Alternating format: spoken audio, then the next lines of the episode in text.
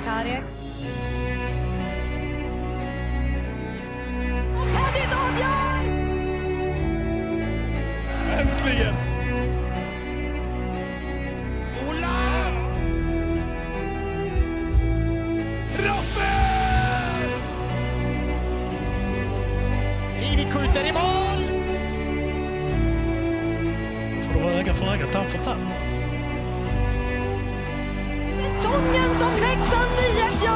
Helt makalöst!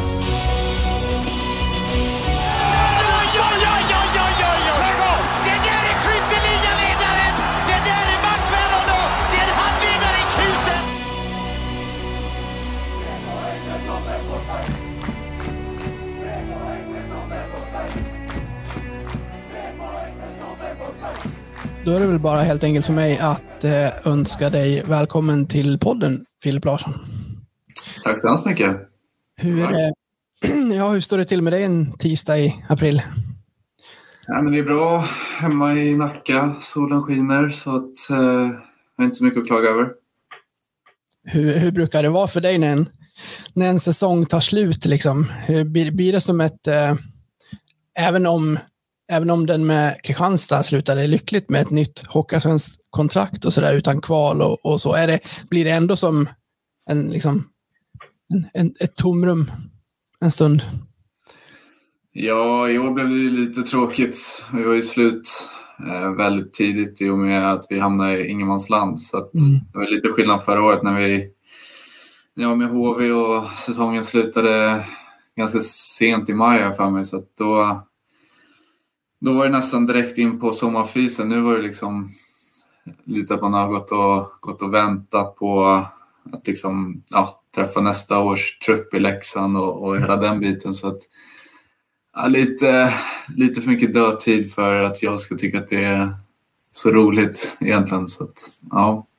Jag kan tänka mig det. Alltså, även när, när du liksom hann dra på dig Leksandsdressen här i slutet och alla lagkamraterna där, när man liksom går in i en ny fas för en ny säsong, när det fortfarande finns lag som, som spelar. Liksom. Mm. Jo, det var ju konstigt när man liksom gick igenom liksom, sommarens fys och jag vet inte ens om semifinalerna hade ens börjat i Hockeyallsvenskan och SHL. Så då, då kände man lite att det, ja, för min del i Kristianstad blev det för tidigt men också såklart för spelarna i Leksand känner det säkert likadant. Så det är ju alltid tråkigt när man, när man känner att det slutar alldeles för tidigt. Så att, ja, nej, det är inte så jäkla roligt när det blir så. Har ni, vilket stadie är ni i nu? Har ni, liksom, har ni skilts åt för, för en tid här nu? Eller, eh, för jag har sett att vissa utländska spelare har åkt hem och vissa spelar med landslag. Och så, lite, lite spretigt för, för stunden. Ja, exakt. Men vi hade en samling för ett par veckor sedan där det var lite tester och så. Och sen eh, har jag tät kontakt med gillar då, fystränaren. Så han skickar program till mig. Eh, och sen syns vi igen i maj. Så träffas man igen och gör tester och, och hela den biten. Så har man det så. Så tränar, kommer jag att träna med en grupp här i, i Stockholm tillsammans med också andra spelare som spelar ja, SHL och lite i Nordamerika och så. så att, men samtidigt kommer ju gilla och koll på mig, vad jag gör och, och hela den biten. Så att eh, ja, det är ju det är så det kommer vara för min del i alla fall. Sen vet jag inte exakt hur det är för andra, men ja. Vad har du fått för bild för honom, över honom och, och Milner och gänget? Eh, nej men väldigt noggranna i allt de gör. Har jag fått känslan att de är väldigt liksom, gillar och påläst och liksom, ty- bara när jag har hört han prata, liksom, att han nördar i sig hur, vad som är bäst för eh, att optimera vår, vår träning och, och för att vara redo till säsongen och hur man Oh, han har lyssnade lite på att hans erfarenheter från förra året så följer han genom en app liksom använder vår hjärtfrekvens och liksom hela den biten. Så att det är väldigt mycket nörderi och har väldigt bra koll. Eh, Milner eh, fått likadan känsla med honom liksom att han man, man känner verkligen att han, eh, han älskar det han gör, att vara målvaktstränare. Eh, väldigt noggrann i, i saker och ting och ja, eh, nej, men han känns bara väldigt taggad på kommande säsong och ja, samma för mig. Det känns extremt kul att komma till liksom en grupp människor som bryr sig så extremt mycket så det, det ska bli kul. Hur viktigt är sånt när man, när man, ska, när man liksom är i valet att välja en ny klubb? Att man, eh, jag vet inte hur man, hur man som liksom, hur man innan man har skrivit på kan scouta sånt? Eller får man ha liksom ett, får du ha ett samtal inte bara med Tjomme utan även med en målvaktstränare till exempel om, om, det, om du känner behov av det innan man har bestämt sig?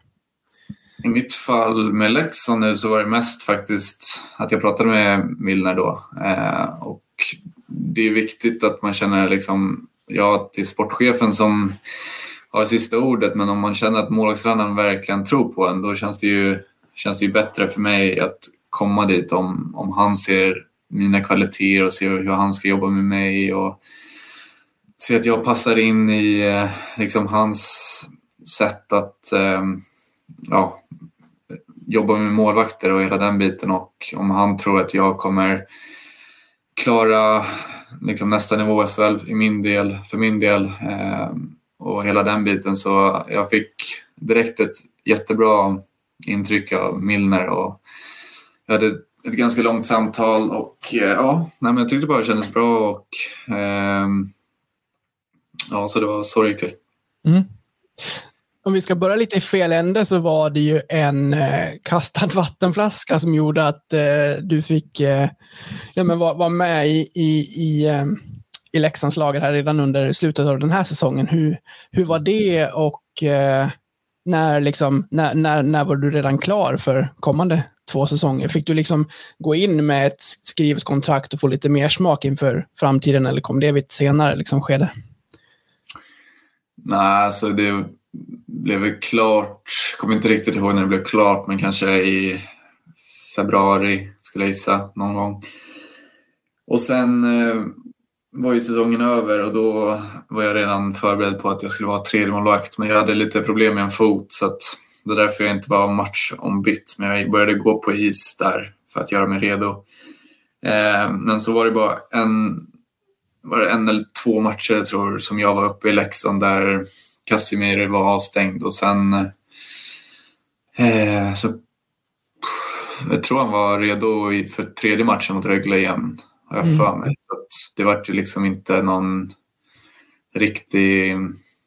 Alltså jag fick inte riktigt någon ja, puls på att jag skulle hoppa in direkt. Så att för min del kändes det lugnt. Eh, ja, det var lite jobbigt när man såg att Mantas gick ner för med tacklingen mot huvudet bara, men då satt, satt jag på läktaren så att eh, ja, nej, det var lugnt. Men vad har du, eh, vad har du hunnit få för bild av, av föreningen i stort, mer än, eh, mer än de närmsta som du kommer jobba, jobba nära? Alltså, jag var bara uppe där några dagar i slutspelet och nu. Eh, och den bilden jag fått var ju att det var jäkla, jäkla häftig inramning med själva ja, på matcherna mot Rögle eh, med supporterna och den biten. Och sen eh, tycker jag allting sköts väldigt proffsigt i liksom, närmast laget. Det är de jag har träffat i alla fall. Så ja, Tjomme och Siken och Gille och ja, Milner och, och coacherna så kändes det fick jag bara en bra känsla och det känd, jag fick ett bra bemötande. Um, tycker det känns väldigt så här, lugnt och sansat. Lite så här familjenärt känsla fick jag. Um, jäkligt seriöst. Um, ja, som jag var inne på tidigare, väldigt noggrant i allt, allt man gör och de är väldigt, de ska se till så att jag är så förberedd som möjligt för att gå in i, i säsongen. Så ja, det är väl det intrycket jag har fått. Att, ja. Mm. Du, har ju, du är ju från Stockholm, men har ju testat på eh, mindre städer och sådär eh, också under karriären. Vad, vad passar dig bäst och vad, vad, vad ser du med Leksand här? Det är ju en, eh, en hockeytokig plats, men den är inte speciellt stor. Nej, nej men precis. Jag har ju varit på väldigt små platser. I mitt första år i USA så bodde jag på en åker 20 minuter ifrån en jätteliten stad och där fanns det inga andra hus som man kunde se från, från det huset som jag bodde i. Så att, eh, det gick jättebra. Eh, jag tror jag gjorde min bästa spelmässiga säsong det året också. Så att, eh, och jag trivdes väldigt bra då. Eh, det blir lite mer att man, man umgås mer med de andra i laget kanske och ja, det blir lite skillnad här i, i, när man spelar i Stockholm och bor här så i alla fall när jag gick på gymnasiet så blir det så att man, man åker hem till sig och ja, det blir mer en sån relation kanske för att när man spelar mindre orter att man kanske kommer lite närmare som lag och hela den biten och eh, för min del så känner jag inte att jag måste bo i en stor stad precis så att jag tror jag kommer att trivas utmärkt och jag var uppe där och tyckte att det var väldigt, eh, väldigt fint och fick en bra känsla när jag gick runt och åkte runt i runt stan och så. Så att eh, det kommer inte vara några problem för min del. Känner du några grabbar i laget? Har du koll på någon? Eh, nej. Eller Olle kände jag Alsing lite. Vi har tränat med honom. Han var ju det var lite där i covid-säsongen så höll vi på lite med Almtuna och tränade fys ihop. Och, ja, men det var bara ett par månader. Sen annars så var jag inte, känner jag ingen sen innan. Eller Anton då, Tjommes son. Eh, ja, det jag förklarade lite innan också om att vi båda är uppväxta i Saltsjöbo och i Bo. Eh, så att han var ju, jag spelade ju med Simons, eller Thomas äldsta son Simon då. Så att eh, vi spelade i samma lag i säkert sju åtta år och eh, då var ju Anton mycket yngre än oss men han, han var en del som knatte då på, på isen och åkte runt och sköt.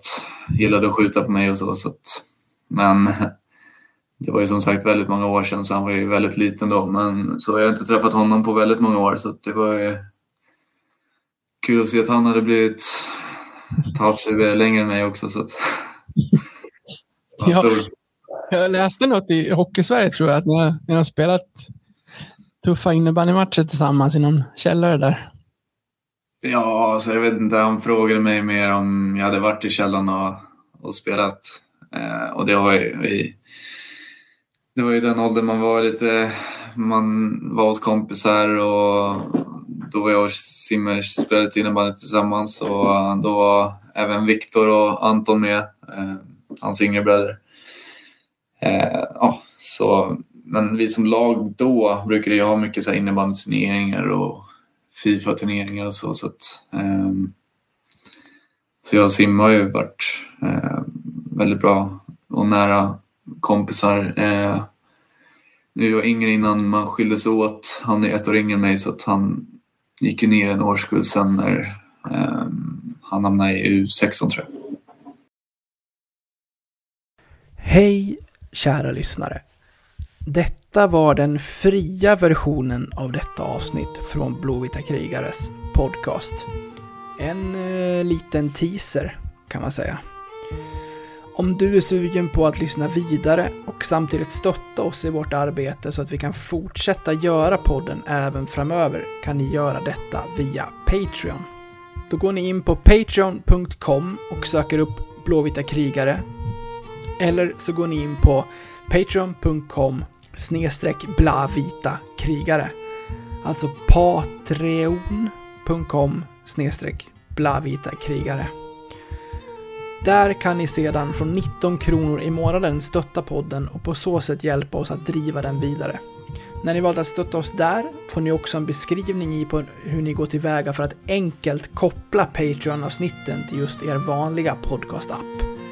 Det vill säga, ni behöver inte lyssna på oss i Patreon-appen, utan kan istället eh, blanda våra avsnitt från Patreon bland era andra poddar som ni lyssnar på.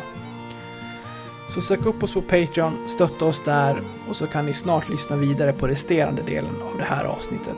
Stort tack på förhand. Ni är bäst. Ha det fint.